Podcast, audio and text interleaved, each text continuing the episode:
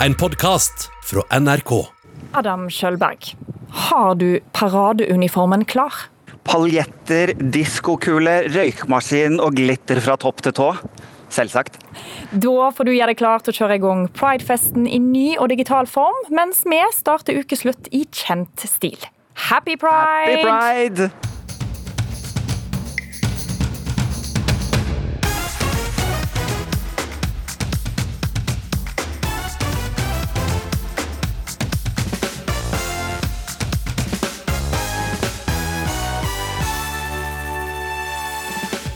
Regjeringa pisser på, sa Jon Arne Riise da breddefotballen for voksne ble sett på vent. Men nå ser han lyset i tunnelen. Riise møter Raja i ukeslutt. Paraplydrink, flytemadrass og sandstrender. Håpet om sydenferie i sommer har fått nytt liv. Men har folk kontroll på de nye reglene? Om dere syns det er mer innvikla regler nå enn det var når det var på, altså stengt verst, da? Svært tøff kamp om sommerjobbene i år. Bare halvparten så mange som vanlig har fått tilbud. Tande P var en av de heldige. Hva har du tenkt til å bruke sommerjobbpengene på? Ja Nei, dæsken ta jeg skulle til å si jeg ble svar skyldig nå.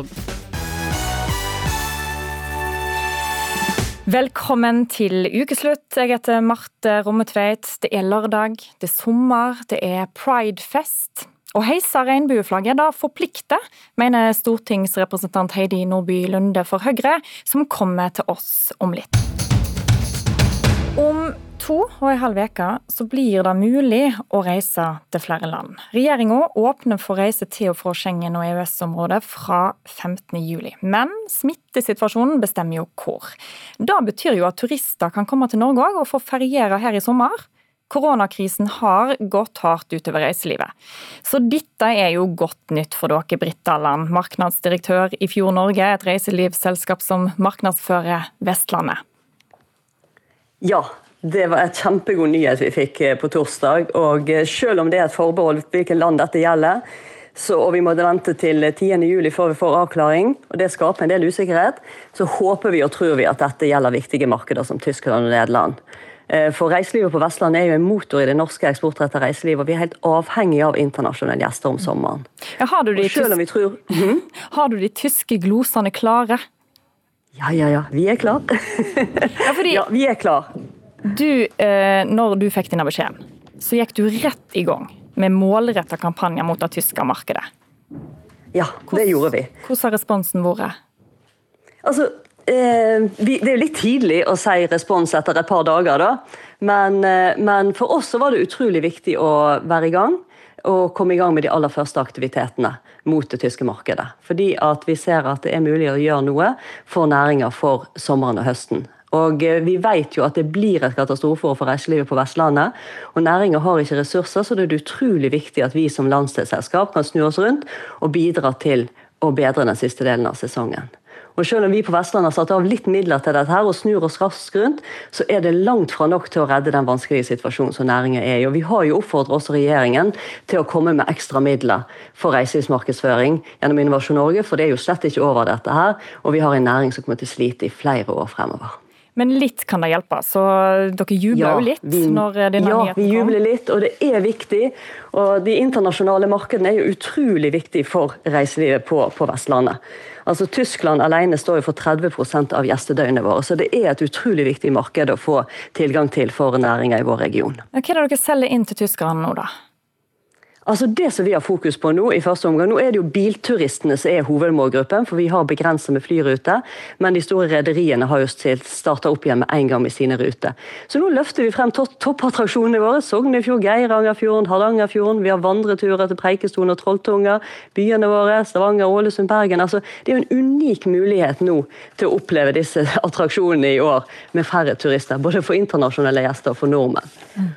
Og så løfter vi også frem nasjonale turistveier så en fantastisk, med de fantastiske utsiktspunktene. Ti av disse 19 ligger jo hos oss, og det er et perfekt utgangspunkt for disse bilturistene som kan reise rundt fra Atlanterhavsveien til Jæren. Og så En annen ting vi ser på også, er jo de mer gjemte skattene i regionen vår. og Litt sånn trend i koronatiden er jo det at turistene vil litt vekk fra de opptråkka turiststiene og komme litt bort fra trengselen og folkemengden. Så Vi tenker at det også er kjempespennende å vise frem litt de mer ukjente stedene våre på Vestlandet. Ja, Kristin Krohn Devold, administrerende direktør i NHO Reiseliv, du er òg med oss. Det er jo ikke bare Vestlandet som er klar for å ta imot eh, utenlandske gjester? Nei, det er hele Norge. For du vet, en tredjedel av overnattingsdøgna i Norge er utenlandske gjester, og en tredjedel er norske fritidsgjester. Så utlendingsandelen er altså like stor som alle nordmenn som ferierer i Norge et vanlig år. Og Det betyr at uansett hvor mange flinke nordmenn det er nå som reiser rundt på alle vestlandsperlene og Nord-Norge-perlene og, og, hele Norge-perlene, så trenger vi utlendingene. Fordi vi vet jo at konferanse- og forretningsmarkedet, som utgjør 40% av overnattingstallene, det er dødt. Så det å nå få åpne for tyskere, det er jo det eneste landet man sier nå har grønn kategori, eh, er veldig veldig viktig. Og så håper vi selvfølgelig at så mange andre som, eh, europeiske land som mulig også klarer å bli så friske at de får grønn kategori før 10.7. Ja, du mener jo at Norge er spesielt attraktivt, nemlig pga. de lave smittetallene. Ja, og det tror jeg også kommer til å gjelde fremover. For jeg tror denne krisen har lært oss at eh, verdien av ren luft, god helse, god plass Veldig mange vil ha aversjon mot å ligge stappa tett på ei strand i mange år fremover. Ikke minst folk som kommer fra land som har veldig mye trengsel. Og det å kunne komme til Norge med, med god plass og veldig lave smittetall, det tror jeg blir eh, en, en trygg og god feriemåte for mange. Og vi har jo sett at nordmenn søker seg til de små stedene der de antar at det er færre folk og, og mindre smitte. Og den samme psykologien vil gjøre seg gjeldende i Europa, ikke minst fra land som har hatt stor uh, smitte og høy dødelighet. Så du er optimistisk for framtida til norsk reiseliv? Ja, på litt lengre sikt. Året i år blir et svart år, det er ikke det tvil om. Her gjelder det bare å redde så mange arbeidsplasser vi kan ved å overnatte og bruke så mange norske bedrifter vi kan. Men året som helhet blir svart fordi vi har så strenge restriksjoner på avstand og antall på konferanse, så 40% av markedet er uansett eh, mer eller mindre borte. Og Det betyr at vi må gjøre alt vi kan, vi andre. Men på sikt så tror jeg at disse verdiene vi har i Norge, med god plass, sunn mat, god helse, lav smitte, det er en, en verdi som også passer vår image som et rent og naturlig land. Og den langsiktige merkevarebygginga der tror jeg kan gi oss god vekst i internasjonal turisme i det tiåret som ligger foran oss. Da ønsker dere god turistsommer, begge to. Marknadsdirektør i Fjord Norge, Britt Dalland, og Kristin Krohn Devold, administrerende direktør i NHO Reiseliv. Sydenferien gikk i vasken for mange da pandemien ramma oss, men nå har regjeringa åpna døra på gløtt for sydenreise. Mange savner ferielivet i varmere strøk, som f.eks. Frp-veteran Carl I. Hagen. Det er å kunne ta et morgenbad i bassenget, det er å kunne vandre rundt på en strand. Ta det med ro. Der er det ikke så mye å gjøre. Her hjemme har vi alltid noe å gjøre. Det hadde vært ferie å være i Spania. Han er ikke alene om å drømme om gode, late dager på sydlige sandstrender. Jeg har, vel, jeg har, egentlig ferie fra 16. juli, så hvis det er mulig å dra til Hellas da, så tror jeg at jeg gjør det. altså. Jeg pleier jo å dra hvert år, så, og det er jo et uh, høydepunkt. holdt jeg på å si. Det er jo alltid like gøy, men jeg tenker at det går an å ha unntak også, siden det er en stor unntakstilstand sånn generelt. Nyheten om at regjeringen åpner døra på gløtt for å dra på sydenferie, møtes med både begeistring og en viss skepsis ute på gata i Oslo. Det bare føles eh, veldig lite korona her enn forhold til andre steder. Det er det best at jeg eh, bare blir hjemme. Jeg tror egentlig det har vært mindre smittetilfeller i Hellas enn hva det har vært i Norge. De har vært mye strengere. Så jeg tror jeg faktisk hadde følt meg tryggere i Aten, der er familien, hva jeg egentlig gjør i Oslo. For her er det fullt i korona. De nye reiserådene kommer med et stort forbehold. Sverige og Portugal er fortsatt på nei-lista, og nordmenn kan bare reise ut i Europa dersom smittesituasjonen tillater det. Om noen uker kommer det en oversikt over hvilke land som er trygge nok å dra til per nå. Forvirra? Ja, du er ikke alene. Um, jeg har ikke helt skjønt reglene for det. Jeg har ikke fått så mye informasjon om det, egentlig. Om dere syns det er mer innvikla regler nå enn det var når det var på, altså stengt verst, da? Men hvorfor er vi egentlig så opptatt av disse sydenturene?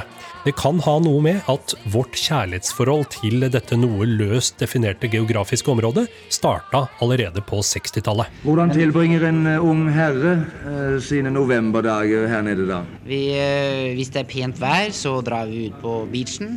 Vi er mer ute i vannet enn vi er på land. Den norske velstanden relativt sett har jo økt enormt i løpet av de siste 40-50 årene. Og Det førte til at, at veldig stor del av den befolkningen som ellers reiste på billige campingturer på 60-tallet, fikk råd til å reise, reise, til Syden. Og det å investere i en hytte var ikke aktuelt. Slik at Syden spredde seg i, i, takt med at det var mange flere mennesker som rett og, rett og slett fikk muligheten for denne type ferie. Sier professor i sosialantropologi Runar Døving. Han har forska mye på nordmenns forhold til Syden, og kan godt forstå at savnet etter Syden av og til kan trumfe smittefrykten. Det er jo også ikke bare et sted, det er jo også en kulturform. Det er ikke noe eksklusivt i sydenferie. Tvert imot, det er inklusivt. Altså, Er du med på bussen, så er du med på bussen og er med på festen og kan sette deg sammen med hvem du vil. Så det er veldig inkluderende og sympatisk eh, form for, for, reisende. Og det er veldig forståelig at, at man liker den, den formen. Så er, man vant til det, så vil man gjerne tilbake til det. Men mange er urolige for konsekvensene dersom mange nordmenn valfarter til varmere strøk i sommer.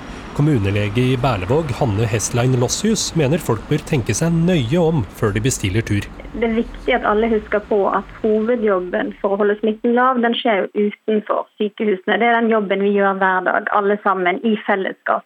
Vi vil ikke tilbake igjen med nedstenginger tilsvarende det vi så i mars og april. Og da tenker jeg at For å bidra til at det ikke skjer, så kan man kutte ferien sin. Og på T-banestasjonen i Oslo sentrum er det flere som vil lytte til det rådet. Sydenturen er avlyst, og det er greit. There's so much beauty here. You know, people always go, want to go some other place or be involved in some other thing that's not in their own backyard. Be involved in your own backyard. Bloom where you're planted. Blomstr der du er planta, av oppfordringen til slutt der, reporter Halvor Haugen. Skal du på tur i skog og mark, så risikerer du møte på den plagsomme flåtten. Men letinga etter blodsugeren kan ha sine fordeler. Se hverandre naken etter en har vært i dusjen og vaska av seg. og Se over kroppen, både på det ene og det andre, så blir det der eh, bra, da. Mer om dette snart i Ukeslutt. Mens verdens øyne er retta mot det pågående koronaviruset, så truer en annen sakte voksende pandemi, nemlig antibiotikaresistens. Penicillin har jo vært livsviktig for oss siden den ble oppdaga i 1928, nærmest ved et uhell.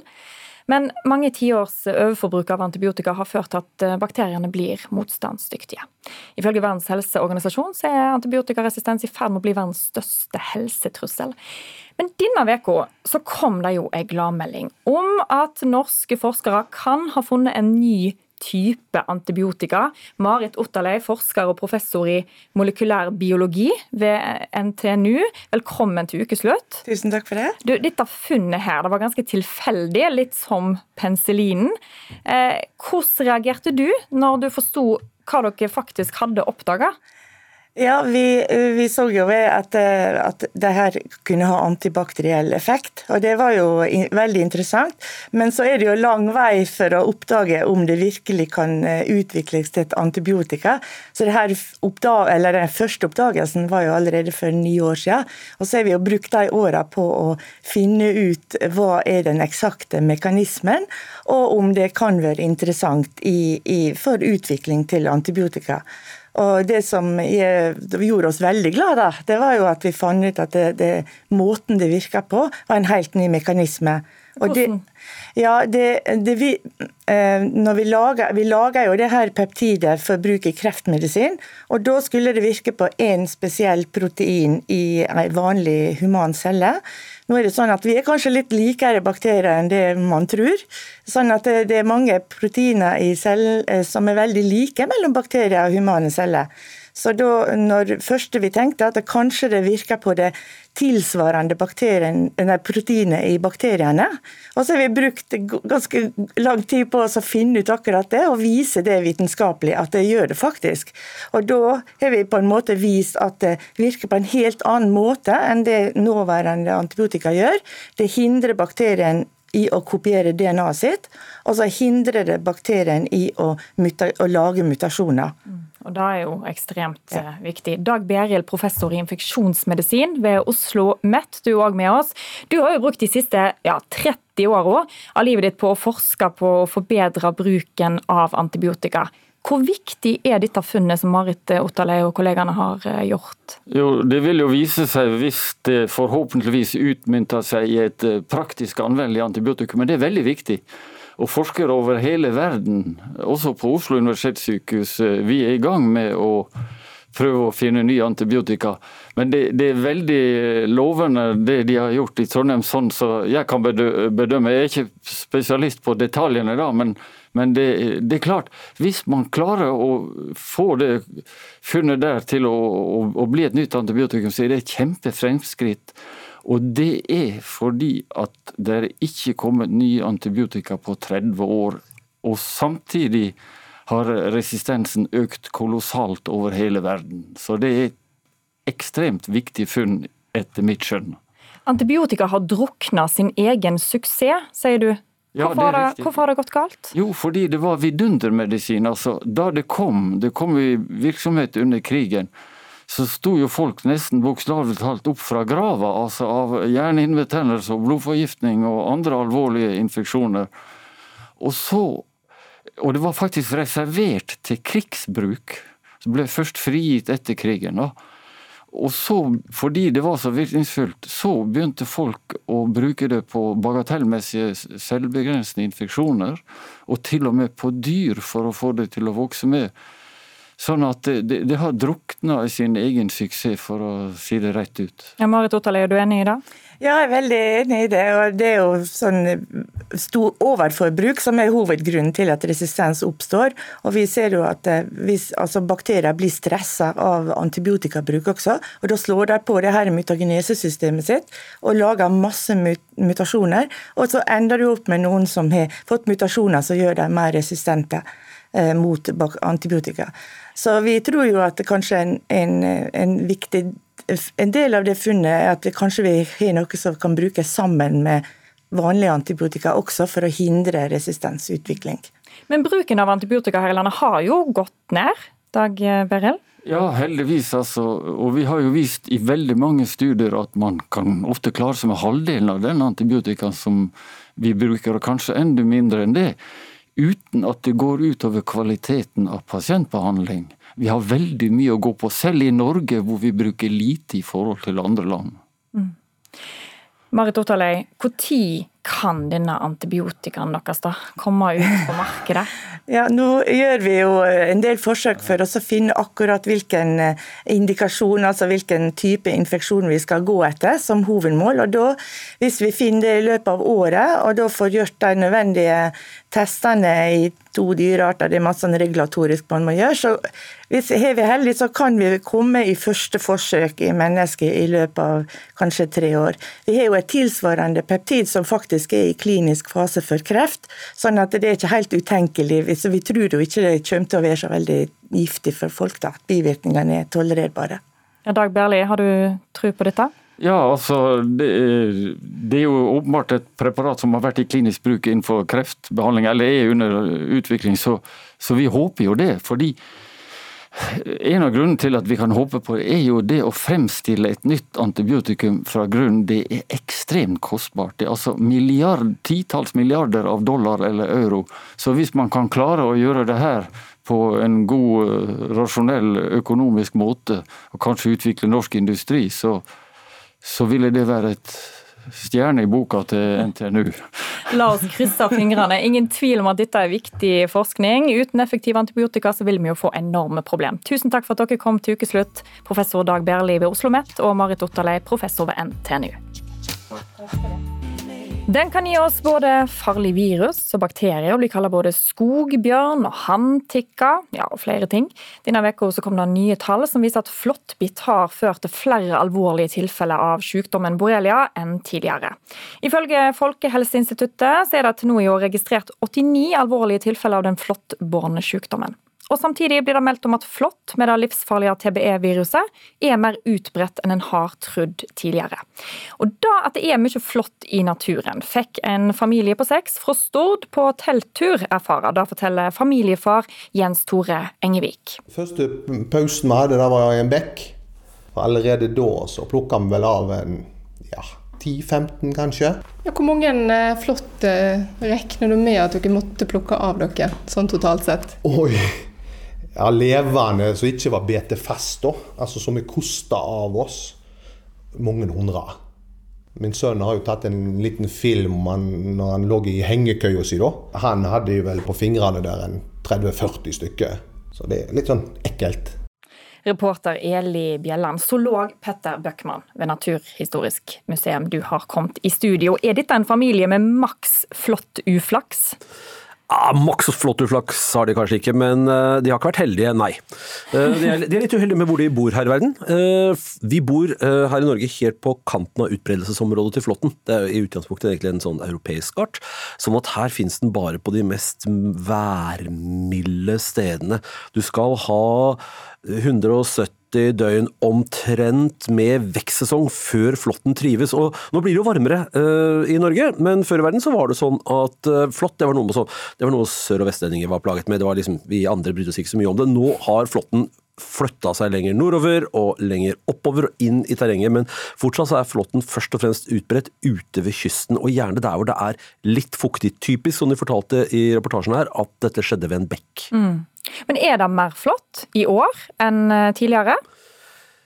Tja, et, det er et rungende tja på det spørsmålet. Eh, for å kunne være sikker på om det er mer flott nå enn før, så må man altså gå rundt i alle områder hvor det er flott, og så må man drive det som kalles for flagging. Da har man rett og slett med seg en lang sånn flanellduk eller et uh, håndkle eller sånn i en viss størrelse, og så feier man et visst antall minutter på foreskrevet måte, og så går man og teller svarte prikker på håndkleet etterpå. Og så har man gjort det eh, både i år og i fjor, og så kan man sammenligne for mange områder samtidig, og da vil jeg kunne svare på det spørsmålet. Nå var det det at jeg tror ikke dette ble gjort overalt i fjor, så dette får vi egentlig aldri svar på. Nei. Nei. Du, eh, vi snakket rett før vi kom på lufta her om skrekkfilm. Altså flåtten. Når du ser bilde av en flått, et nærbilde av flått, det er utrolig ekkelt. Blodsugende vesen. Du nevnte en skrekkfilm. Har de til og med lagd en film? Ja da, eh, en veldig, veldig dårlig film fra jeg tror det er begynnelsen av 90-tallet. Jeg, jeg, har sett den, eh, jeg var ikke edru da jeg så den, så jeg kan ikke gjenfortelle så veldig mye av handlingen, men ja, det er eh, The Tick, dum, dum, dum, dum, dum. Og det, starter med at de finner noe utsugde lik og greier. Og dette er jo, dette er jo som sier, det er en blodsuger, den trenger blod for å overleve. Den må faktisk ha blod i tre omganger for å gjennomføre hele livssyklusen sin, sånn at eh, det er ikke bare de store, men de aller minste flåttene, de får ikke høl på oss, så de går gjerne på spissmus og andre ting med litt sånn tynt skinn helt ned ved bakken, og så er det de seinere stadiene som egentlig plager oss. Er det noe positivt å si om dette småkrypet? Det er helt sikkert noen som spiser den. Hæ?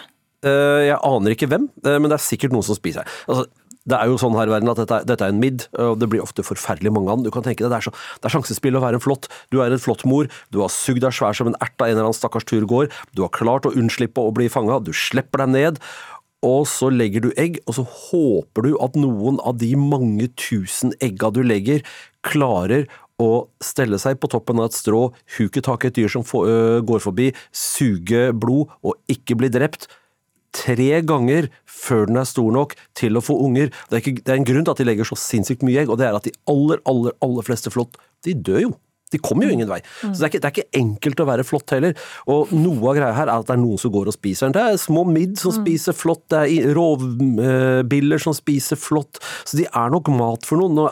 Så vi trenger den? Det er ikke så mye mat igjen, flott. Jeg er jo zoolog. Men trenger vi, du som zoolog, vil du kunne støtte opp om ei total utrydding av flåtten? Det er ingen som ser meg her. Uh, ja. Uh, det er, altså jeg skal jo i prinsippet elske alle dyr. Alle dyr, alle dyr. Det er jo ikke sånn det fungerer på ordentlig. Sånn, sånn verden fungerer. Det er, Hvis du skal se på økosystem som sådan, så er det litt som sånn Mikado-spill. Altså, du slipper en sånn haug med, med, pinner eh, på et bord, og så kan du begynne å ta bort pinner. Og på et eller annet tidspunkt så tar du bort en pinne som gjør at haugen raser. Mm. Vi veit aldri nøyaktig hvilken pinne det er, men jeg har mine sterke tvil om at det er flåtten. Det er ikke sånn superforskjell fra nede ved stranda på Vestlandet og litt opp i lia der det ikke er flått. Det er omtrent de samme tinga som er der. Ja. Så jeg tror ikke du ødelegger verden ved å fjerne flått. Det er den og hjortelusflue og et par andre som er sånn Greit, la oss utrydde dem. Uh, vi får aldri bukt med den, så jeg kan godt sitte her og drømme, men uh, Nei, for det er ikke mulig. Nei, det får vi ikke gjort. Det er, hva skal jeg si, uh, Man har tenkt på at man skal prøve å utrydde brunsneglen. Og Brunsneglen er jo et mye mye større dyr. Den vokser langsomt. Den bruker i hvert fall et år på å bli eh, kjønnsmoden og lever lenge, beveger seg langsomt. Lett å få tak i, rett og slett. Vi har ikke klart det heller. Mm.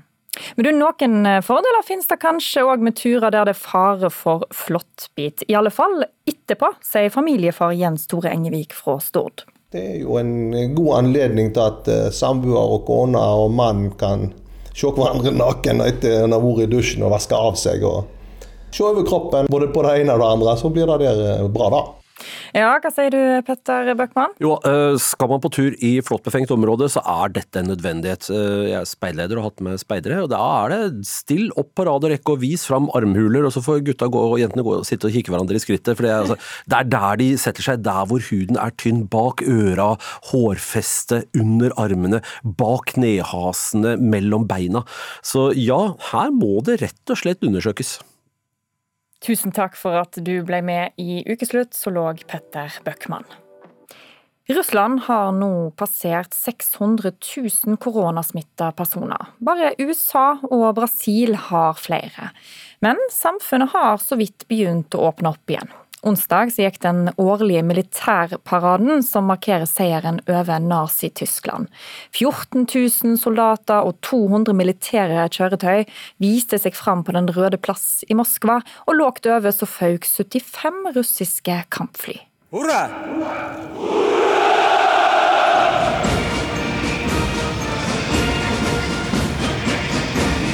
Jan Espen Kruse, NRK sin Russland-korrespondent. Du er med oss i ukeslutt i dag. Du, Putin valgte altså å gjennomføre dette spektakulære arrangementet, selv om pandemien langt ifra er over. Hva reaksjoner har han fått på dette? Det er en ganske kraftig diskusjon i Russland om det var riktig å gjennomføre dette arrangementet. Eh, særlig Putins kritikere, opposisjonen i Russland, mener at eh, dette burde ikke vært holdt, at smittefaren er altfor stor, og at eh, president Putin trosset nærmest dette gjennom, trumfet det gjennom, fordi det var viktig for han å spille på nasjonalfølelse, på patriotisme foran denne viktige folkeavstemningen som skal da avgjøre om presidenten kan sitte i sin posisjon, teoretisk i hvert fall, helt fram til 2036. Ja, og Det var jo mange som ignorerte disse rådene fra myndighetene om å holde seg hjemme og se denne paraden på TV. Hvorfor var det viktig for folk å samle seg for å se dette på nært hold? Ja, det er jo en slags tretthet i, i, Russland også, og spesielt i Moskva, som jo var i begynnelsen av pandemien aller hardest rammet.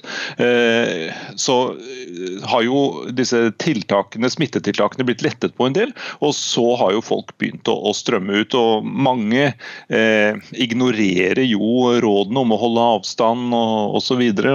Eh, en del oppfattet vel det at paraden ble holdt som et slags signal på at nå nå kan man nærmest vende tilbake til normalt liv, til normale tilstander. Mm.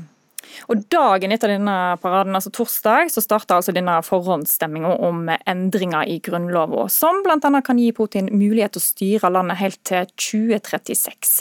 Hva innebærer det egentlig? Ja, det gir han altså en, en, teoretisk mulighet. President Putin sa selv at det vil ikke være bra for ledelsen av landet om han nå skal begynne å snakke om en etterfølger til han, en som kan overta. Da vil det aller meste stanse opp. og Derfor må vi fortsette å jobbe, sa Putin, og ikke drive og snakke om å leite etter en etterfølger til han. Sånn at det, det, betyr at når hans periode, nåværende periode er ferdig i 2024, så kan han altså stille til valg igjen. Først for én seksårsperiode, og så for en ny seksårsperiode etterpå det. Så Forhåndsstemminga er altså i gang. Selve valgdagen er jo 1. juli. Men hva viser meningsmålingene? Ja, De viser litt eh, sprikende tendenser. altså Det er et uavhengig målingsinstitutt eh, som eh, sier at det er 44% som støtter endringene av Grunnloven, mens 32% er mot. Mens et statlig institutt, der sier de at noe sånt som om lag 70% av de som kommer til å delta, kommer til å si ja til dette her. At, men de, de, fleste kommentatorer de tror at president Putin får gjennom, han får viljen sin. altså At eh, ønsket om å kunne fortsette blir eh, man, Russerne kommer til å si ja til det. Mm. Og Det er jo ulike lokkemiddel eh, for å få russerne til å stemme. Som hva da? Ja, det er ganske pussig. Altså, en del steder så, man, så, gjennomfører man slags lotterier, quizer med, med, premier som kan være ganske flotte støtte som eh, gavekort, og det kan være biler og helt opp til eh, leilighet som premie. Eh, og dette foregår da like i nærheten av valglokaler. sånn at ja, det er vel en litt spesiell russisk måte å gjøre det på. Å friste folk til å komme. For opp oppslutningen om valget er veldig viktig for myndighetene. De gjør det de kan for å få flest mulig til å stille opp. Mm. Og Oppslutninga om presidenten har vært fallende. Hvor viktig er det for Putin å få unnagjort denne folkeavstemninga akkurat nå? Ja, Han lanserte jo disse eh, forslagene allerede i januar, og så måtte han utsette mye av det eh, til nå pga. koronaepidemien.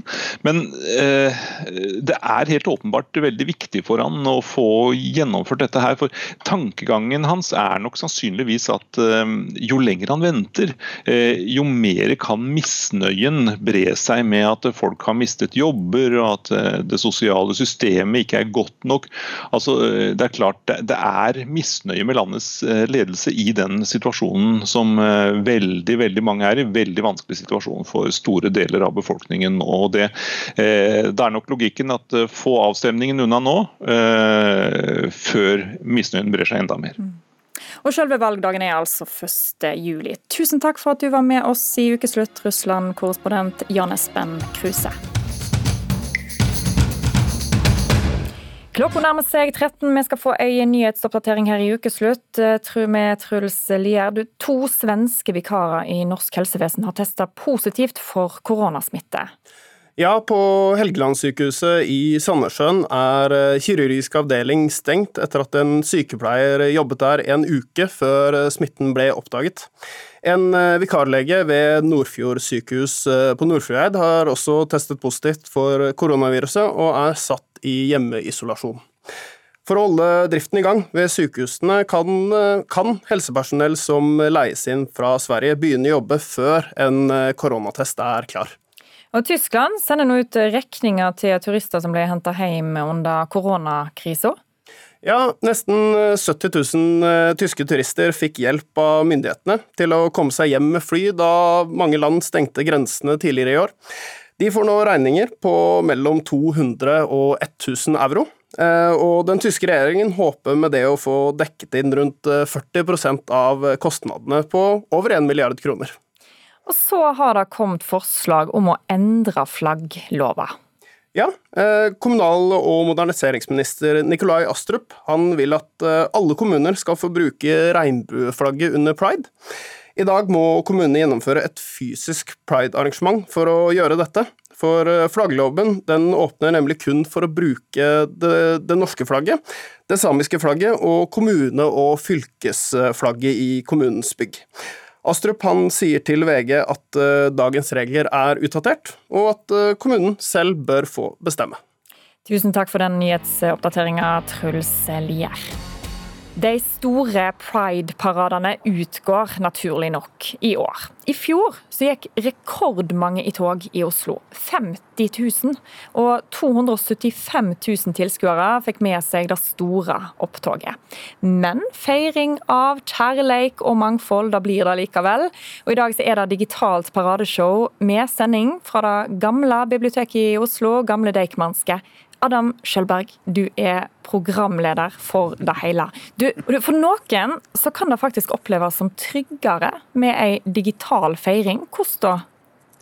Det er jo klart at det er veldig mange som ikke kan eh, gå fysisk i parade. Noen som må skjule identiteten sin.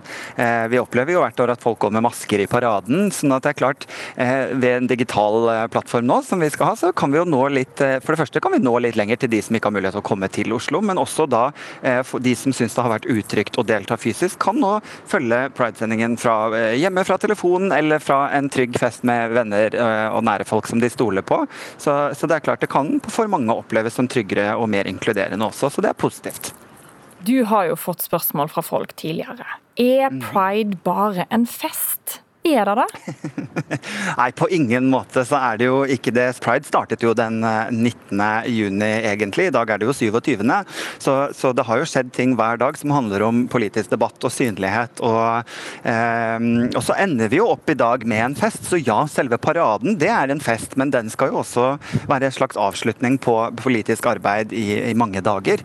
Som jeg tror folk kanskje glemmer litt, at, eh, at det har skjedd mye før paraden også. Men det er klart den er viktig. Paraden er viktig for den handler om synlighet, og ikke minst det handler det om at vi som er skeive, kan få lov for en gangs skyld til å kjenne på at vi er majoriteten i det rommet vi står i når vi er i parade, eller i Pride Park. ikke sant? Så Det fellesskapet kommer vi jo til å savne litt i år, og da er det ekstra viktig å formidle det i løpet av sendingen. Du, tusen takk til deg, Adam Skjølberg, og lykke til da med sendinga. Tusen takk, takk, og happy pride! Og akkurat nå så sitter folk rundt om i landet og følger med sendinga hjemme og på uteplasser på storskjerm. Og en av plassene der flere har samla seg, det er i hagen utenfor gamle Deichmanske. Og der er du, reporter Munever Gildis, og jeg tipper det er god stemning?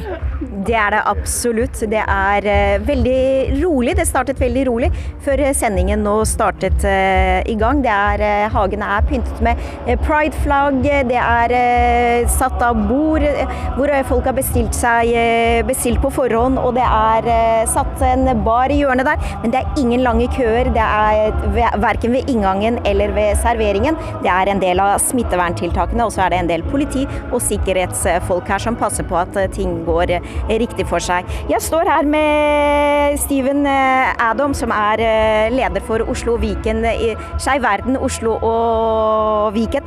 Du, dere hadde en panelsamtale i går om pride og Black Lives Matter-bevegelsen. Hva mener du er eh, likhetene? Ja, altså Det er en god del ting man kan se på det. at Eh, det startet jo begge to som en slags opprør, eh, som var ledet, i hvert fall den Stonewall-bevegelsen, var jo ledet av svarte skeive. Eh, og de som opplevde svarte transpersoner og sexarbeidere som opplevde mest brutalitet, politibrutalitet, som ligner veldig mye på det som skjer nå i USA, hvor også det er mange svarte som opplever politibrutalitet. da. Men hvorfor, skal, hvorfor er det viktig at den skeive bevegelsen står sammen mot undertrykkelsen av black rights? Eh, det er jo sånn at eh, Vi er jo alle minoritetsgrupper, og det er flere av oss som er, er svarte, og flere av oss som er skeive, og flere av oss som er begge deler. Eh, så det er jo bare naturlig at den skeive bevegelsen står denne bevegelsen, siden vi er alle minoritetsgrupper da, som opplever undertrykkelse og trakassering og politibrutalitet osv. Hva tenker du, hva kan du si om situasjonen til, til flere minoriteter som er skeive i Norge? Hvor langt har den kampen kommet her i landet? Altså, Den skeive bevegelsen i Norge har jo kommet veldig langt, i hvert fall i forhold til mange andre steder i verden. Er jo f.eks. i Øst-Europa at det begynner å bevege seg på motsatt side, eller motsatt retning, som i Polen f.eks. Så på den fronten så gjør vi det ganske bra, men når det gjelder skeive med minoritetsbakgrunn, så ser vi fortsatt at det ikke er representert eh, Det mangfoldet er ikke representert da, i samfunnet, i de skeive organisasjonene osv. Eh, der mangler det absolutt eh, litt arbeid, da. Hva gjør dere i Skeiv verden for at flerkulturelle minoriteter skal, skal delta i, samfunnet på lik linje eller føle seg trygge? Eh, vi skaper jo bl.a. sosiale møteplasser for oss. Eh, vi opplever ofte at eh, de som er tilgjengelige, de skeive uteplassene som finnes, ikke er tilstrekkelige eller ikke er komfortable nok for noen av medlemmene våre. Vi jobber også med kompetansehevende arbeid i offentlige tjenester og i skoler og bl.a. for å øke liksom, informasjon om målgruppen vår, våre, våre behov og utfordringer. Hvordan har pride, som nå i år måtte være digitalt, vært for dere og deres medlemmer? Eh, det har jo vært litt utfordrende i det at eh, mange av medlemmene våre trenger den fysiske nærheten. Eh, det er liksom veldig core for oss. da. Men vi har jo klart å komme med en del tiltak. Vi har hatt en Pride-panelet som skal kommes ut som opptak. Og så har vi sendt inn en del innlegg til Pride-sendingen og har fokusert på liksom mer det, hva betydningen bak Pride er. da. Hva meningen, hva, litt mer sånn hvor var historien. Og så har vi sånn seminar og litt sånn forskjellig, så vi har hatt noen fysiske ting, men hovedsakelig har det gått digitalt. Så Pride har ikke bare vært en fest, men det har også vært paneler, samtaler og debatter for dere? Ja, absolutt. Eh, vi, jo, vi, opplever det at det fremdeles er en lang vei å gå på den fronten. og at man ikke skal glemme, Ja, det er en fest, og det er kjempesynd at paraden ikke er, og festen ikke er sånn som den har vært eller pleier å være. Eh, men så syns jeg at det er en fin mulighet å se til de som ikke kanskje kunne til være der fysisk på pride, liksom de som ikke er i Oslo eller som ikke kan ha fusjonsevne eh, osv. Så, videre. Eh, så er jo dette liksom den alternative priden som vi har nå, er jo en mulighet for dem å delta også, da.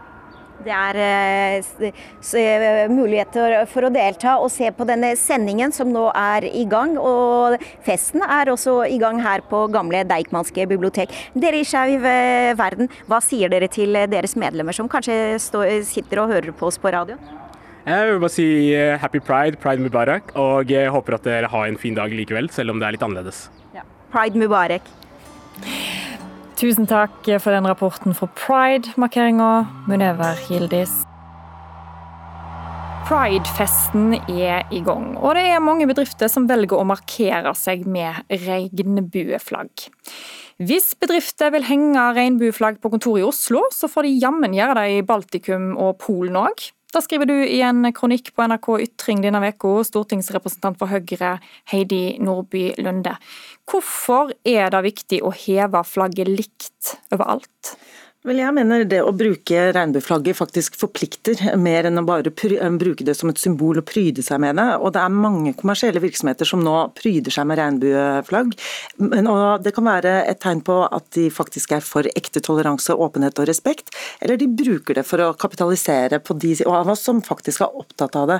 Men jeg mener at det forplikter dem til å vise dette gjennom bl.a. ansettelser, intern bedriftskultur, valg av leverandører gjennom hele verdikjeden, ikke bare som et symbol eller forsøk på å tjene penger på noe som er viktig for så mange. Mm. Var med oss Fredrik Dreyer, du er styreleder i Oslo Pride. Må et selskap som helhjertet støtter opp om pride i Norge, heve flagget like høyt i alle land? Altså her eh, Prinsipielt så er jo Heidi og jeg eh, relativt enige. Eh, utelukkende, vi må stille krav til de bedrifter og andre institusjoner som heiser regnbueflagget. Likevel så eh, mener jo vi at det er også sånn at du trenger ikke nødvendigvis gjøre det samme overalt. Heidi Nordby Lunde er godt inne på det når hun snakker om hva man gjør internt. Det er kjempeviktig at bedrifter har et inkluderende arbeidsliv. At man jobber med skolering for sine ansatte, at man passer på at onboarding-prosesser og rekruttering foregår på riktig måte. Men det er ikke sånn at man alltid nødvendigvis trenger å gjøre det man gjør i Norge, i Polen, eller vice versa.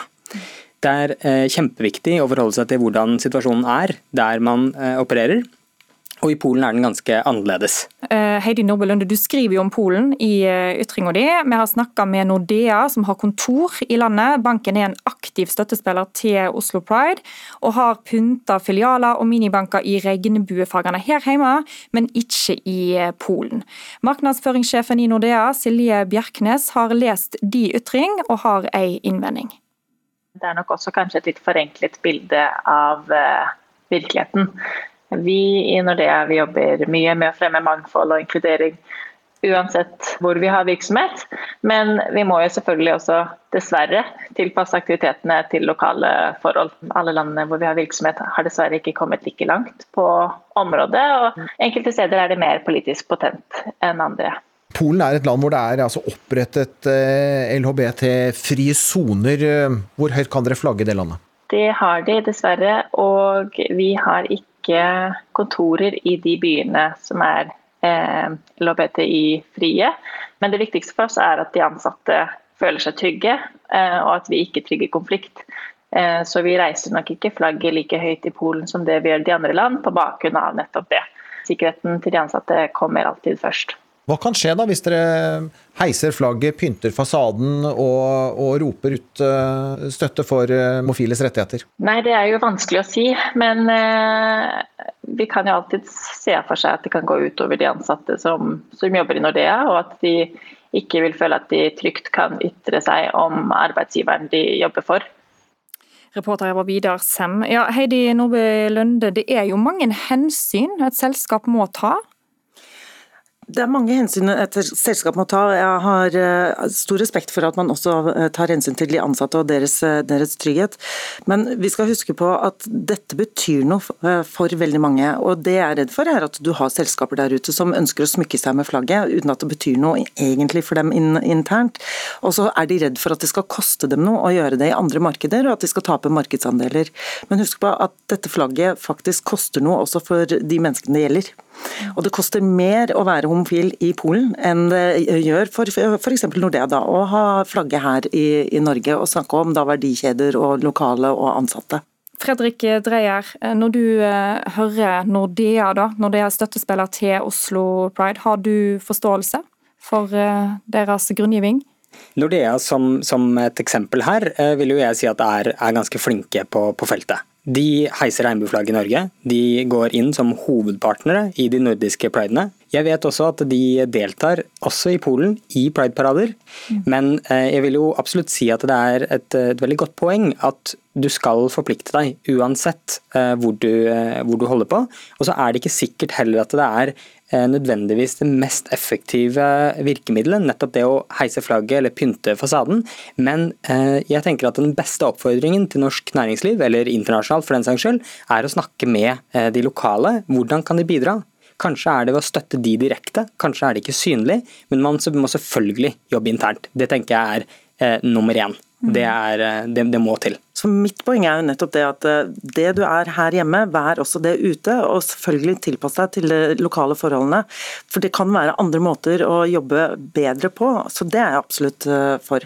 Men vi skal være obs på, og jeg syns at vi som forbrukere også skal være obs på at eh, mange vil gjerne bruke vår, altså vårt ønske om å være liberale, tolerante, vise respekt som en mulighet til å tjene penger. Men da kan vi jo prøve å velge de leverandørene som har det gjennom hele verdikjeden sin, og de som ikke bare bruker det i ren kommersiell kommersiell hensikt under én uke i året, og hvor det ellers ikke betyr noe for dem. Takk for at dere var med i Ukeslutt, stortingsrepresentant for Høyre Heidi Nordby Lunde og styreleder i Oslo Pride Fredrik Dreyer. I år så er det færre sommerjobber enn før. Likevel så er det noen som har klart å komme seg gjennom nålauget. Ukeslutt sin reporter Philip Johannesborg har møtt ferievikar Tande P og vikarierende statsråd Ida Lindtveit Røse for å få gode råd. Ja, jeg fikk jo veldig tydelig beskjed av Kjell Ingolf Ropstad før jeg gikk på at eh, nå går jeg i pappaperm, det er du som har ansvaret. Og så jeg har jeg ikke hørt så mye fra han, så jeg håper at jeg har gjort en god jobb, og at han er hjemme og slapper av og nyter tiden med sin familie. Dette er Ida Lindtveit Røse. Hun er 27 år, medlem av Kristelig Folkeparti og vikarierende barne- og familieminister denne sommeren. Eh, jeg har jo ikke hatt så eh, mange sommerjobber, for jeg har ofte eh, jobbet ved siden av jeg har gått på skole eller studier, men jeg har drevet med rytmisk gymnastikk. Og gymnastikken kan komme godt med i en hektisk statsrådhverdag. Akkurat nå forlater tidenes yngste norske statsråd et slags klasserom med 20 ungdommer fra KrFs ungdomsparti. Hun ga dem sine beste ledertips og har flere råd på lager til vordende sommervikarer. Så finne ut liksom hvem på jobben er det det er lurt å være inne med, og spørre dem om råd. Eh, for da kommer du kanskje litt eh, lenger, kan drøfte litt da, med, med de som eh, styrer skuta om er det lurt at jeg sier dette på neste morgenmøte. For mens noen finner frem solhatten og febrilsk sjekker Yr-appen, så forbereder andre seg på noe helt annet enn slaraffenliv. Som så mange ganger før er sommervikarer i gang med å fylle feriebefengte arbeidsplasser. Eh, min første sommerjobb skal vi se, det var på en kafé i Valdres, der jeg er fra. Det var hyggelig, det. Det var ikke så ja, Jeg, jeg syns helt ærlig så var det ikke så bra sommerjobb, altså. Det var litt uh, kummerlige forhold og litt, uh, litt uh, streng ledelse. Men ja, helt greit. Solgte aviser med båt, ja. I Kragerø. Da kjører du rundt til alle hyttene og selger aviser og bakervarer. Min første sommerjobb jeg må jo tenke, det er jo en stund siden. Jeg tror faktisk det var å male båten til faren min. Utenfor NRK finner vi én av disse ferievikarene. For mens Lindtveit Røse fyller mektige sko som statsråd, så forsøker Tande P å få på seg sine gamle. Dette er ferievikarene med Tande P i NRK P1 pluss. Ja, hjertelig velkommen til Ferievikarene. Det er mandag og Jeg har vært sommervikar i, og vikar andre tida på året òg, i eh, radio nå i flere år, og det er like artig hver gang. 69-åringen Alf Tande Pettersen gir seg ikke. Nå er han i sitt ørtende vikariat, og kontrasten fra hans første til hans nåværende sommerjobb er stor. På slutten av 60-tallet var fjøset hans arbeidsplass. Jeg begynte på en mandag, og på fredag sa bonden ja, du får ha det bra så lenge, sa han. Jeg reiser bort nå. Ja, reiser bort. Eh, hvem skal drive her, da? Ja, nei, men det gjør du så bra, sa han. Så Så rådet må jo være at man eh, ikke er for flink, da. Der var jeg nok flink, tror jeg. Så vet du hva, jeg dreiv en gård, da var jeg vel 18 år eller noe sånt. Da. Dreiv en gård alene i tre uker. Det kunne da neppe være lovlig. Nå kjenner folk flest Tande P som en TV-personlighet, og pensjonisten vender stadig tilbake til NRK hver gang han får sjansen. Det er ikke gitt at du får sommerjobb i våre dager, så nei, det er jeg glad for. At jeg kom gjennom nåløyet. Og Alf har rett.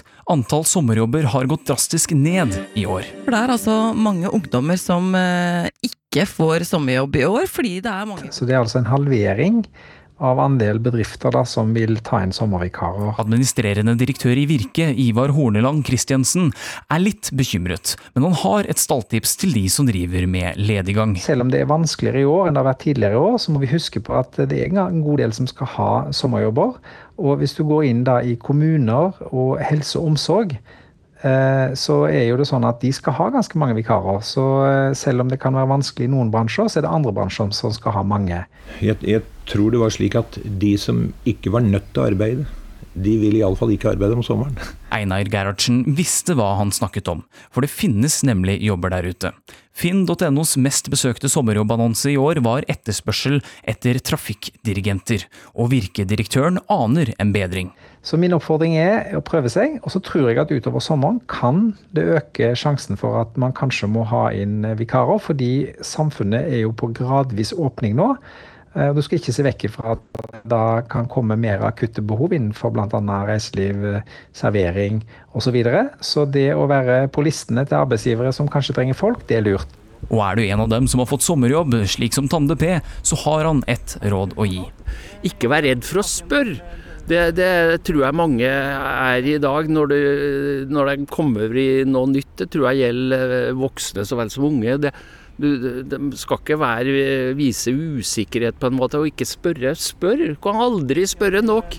Tilbake til Ida Lindtveit Røse og Norges mektigste sommerjobb. Norges kuleste vikariat, i hvert fall. Så spør vi, som så mange andre gatejournalister har spurt før, hva skal sommerjobbpengene brukes til? Ja, de går jo inn i det store sluket. Utenfor NRK derimot er sluket kanskje litt tettere. Hva har du tenkt til å bruke sommerjobbpengene på? ja Nei, dæsken ta jeg skulle til å si jeg ble svar skyldig nå, men det passer seg ikke når du er journalist. Så da Hva skal jeg bruke dem til, da? Jo, altså, jeg tror jeg skal kjøpe noe, et, et husmorvindu. Ja, jeg må skifte ut et vindu, skjønner du. Og da, da, skal jeg ha et sånt godt gammeldags husmorvindu. Eh, som vippevindu. Ja, jeg tror jeg har råd til det, da. Ja, da sa Tande P til reporter Philip Johannesborg. Tirsdag så kom nyheten om at eh, Segway legger ned produksjonen. Den berykta ståhjulingen var et hett tema i en heftig politisk debatt for noen år siden, da han ble det fremste symbolet for Frp sin kamp mot det partiet kalte dusteforbud. Vi møtte Segwayens våpendrager nummer én, Bård Hoksrud, til ei minnestund. Du ble jo kjent som Segway-Bård. Jeg gjorde det, da. Det var, eh, og det var nok pga. noen bilder som ikke nødvendigvis er like fine. Men eh, sånn er det noen ganger. Man sier ja til å stille opp, og så blir det noen harry bilder. Sier Bård Hoksrud fra Frp. For seks år siden var han statssekretær i Samferdselsdepartementet og en ivrig forkjemper for å gjøre Segway lovlig i trafikken. Og så var det selvfølgelig jeg som sørga for å få dette gjennom og sa til byråkratiet og embetsverket at dette må vi få til. Det var litt motstand, for å si det forsiktig. Vi er veldig skeptiske til å la Segway kjøre på fortau. Blindeforbundet var blant de som protesterte kraftig mot at folk skulle få lov til å kjøre rundt på fortau og sykkelveier med ståhjuling. Ja, det var morsomt. Det var, jeg tror det var 52 eller 53 høringssvar, og noen av de var ganske lange. Og alle, med unntak av to, de var negative til å åpne for dette her.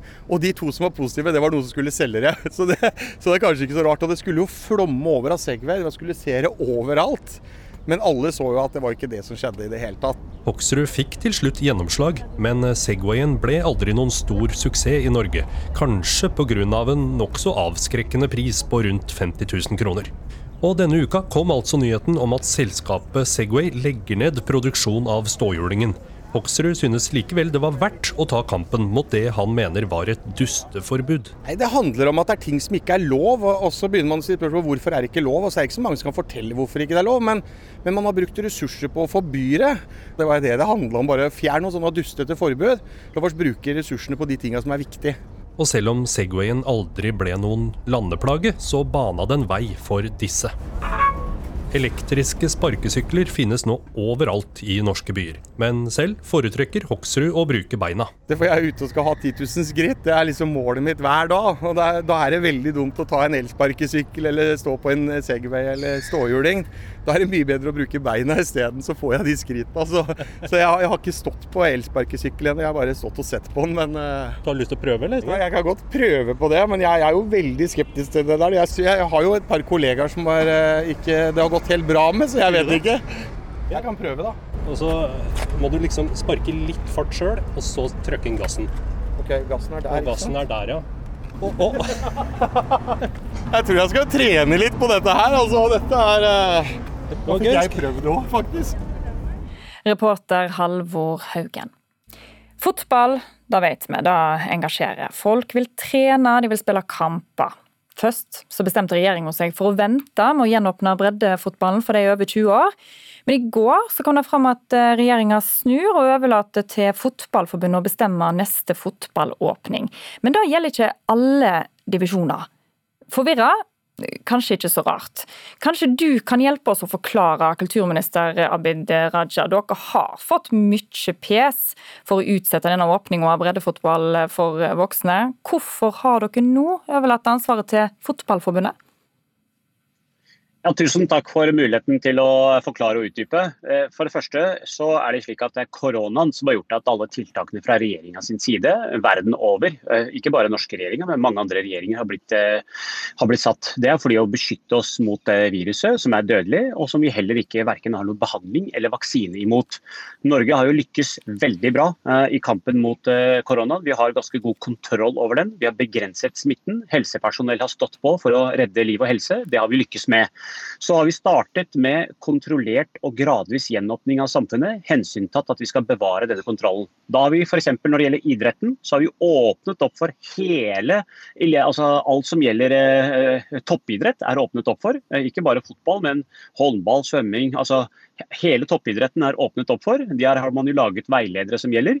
Så har vi prioritert barn og unge. Åpnet opp for at barn og unge skal kunne trene med hverandre. Eh, bryte enmetersregelen. Eh, og så har vi sagt at dersom dagens smittesituasjon vedvarer og holder seg til 1.8, så vil vi også åpne opp for at barn og unge eh, mm. opp til 19 år at de kan trene med hverandre og bryte enmetersregelen. Og grunnen til at vi har den disse over 20 år. Bare så, en setning til, og det er at, bare en setning til, og det er grunnen til at vi har den énmetersregelen.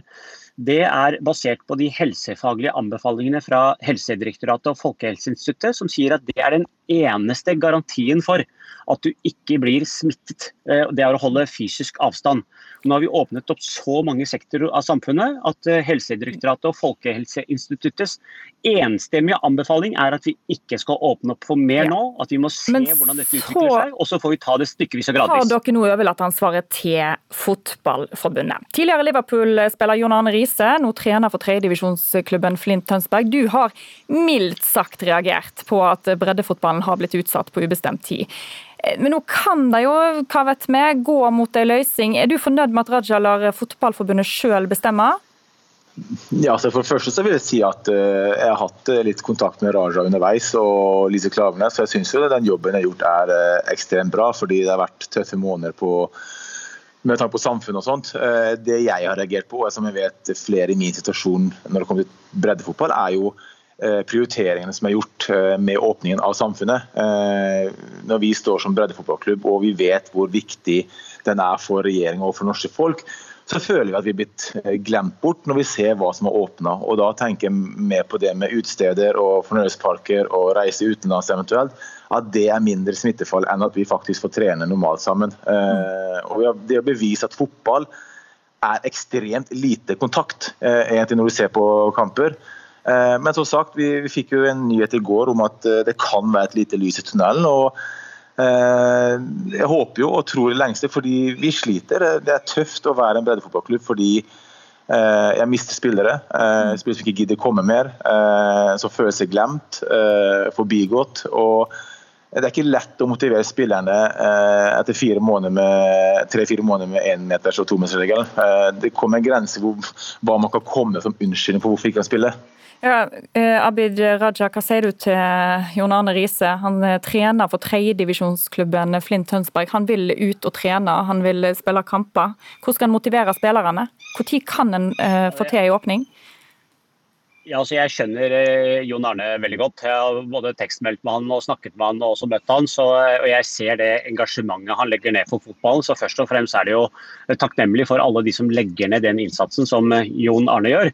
Og så eh, er jo Faktum er jo sånn at det, det, det er ikke sånn at vi politisk ønsker å holde samfunns... Eh, altså fotballen bl.a. og også andre sektorer stengt. Det er jo ikke noe vi politikere ønsker.